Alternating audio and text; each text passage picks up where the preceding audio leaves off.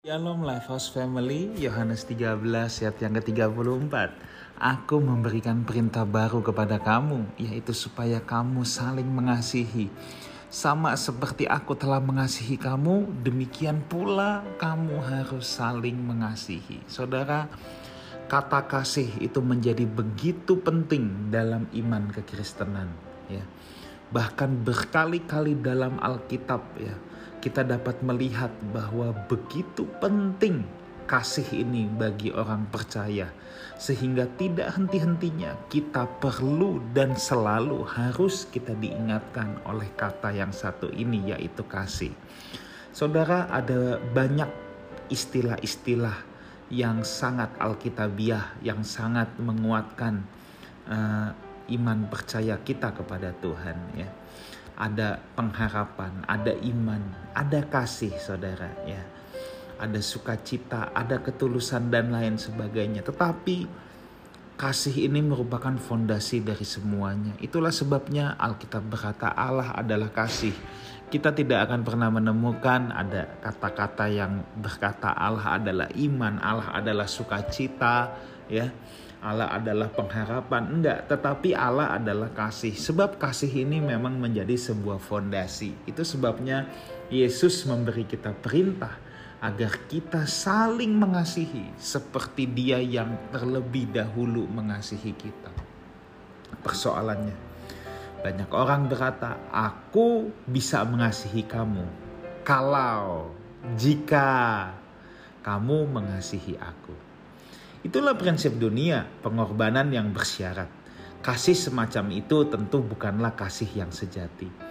Jikalau kita mengasihi orang lain yang mengasihi kita, apa bedanya kita? Apa lebihnya kita?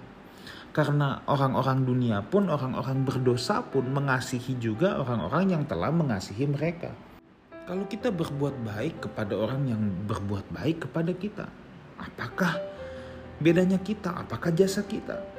Orang-orang berdosa pun berbuat demikian. Bukankah itu yang ditulis dalam Lukas 6 ayat 32 sampai 33? Demikian firman Tuhan dan jikalau kamu mengasihi orang yang mengasihi kamu, apakah jasamu? Karena orang-orang berdosa pun mengasihi juga orang-orang yang mengasihi mereka atau yang berbuat seperti demikian.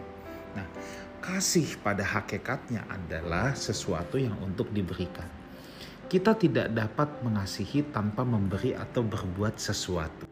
Kasih itu tidak bisa hanya lewat omongan, tetapi harus menjadi sebuah aksi nyata lewat mulut. Inilah kasih itu bukan kita yang telah mengasihi Allah, tetapi Allah yang telah mengasihi kita dan yang telah mengutus anaknya sebagai pendamaian bagi dosa-dosa kita. Nah, Tuhan mencontohkan dulu yang namanya berbuat kasih, bukan hanya dengan mulut.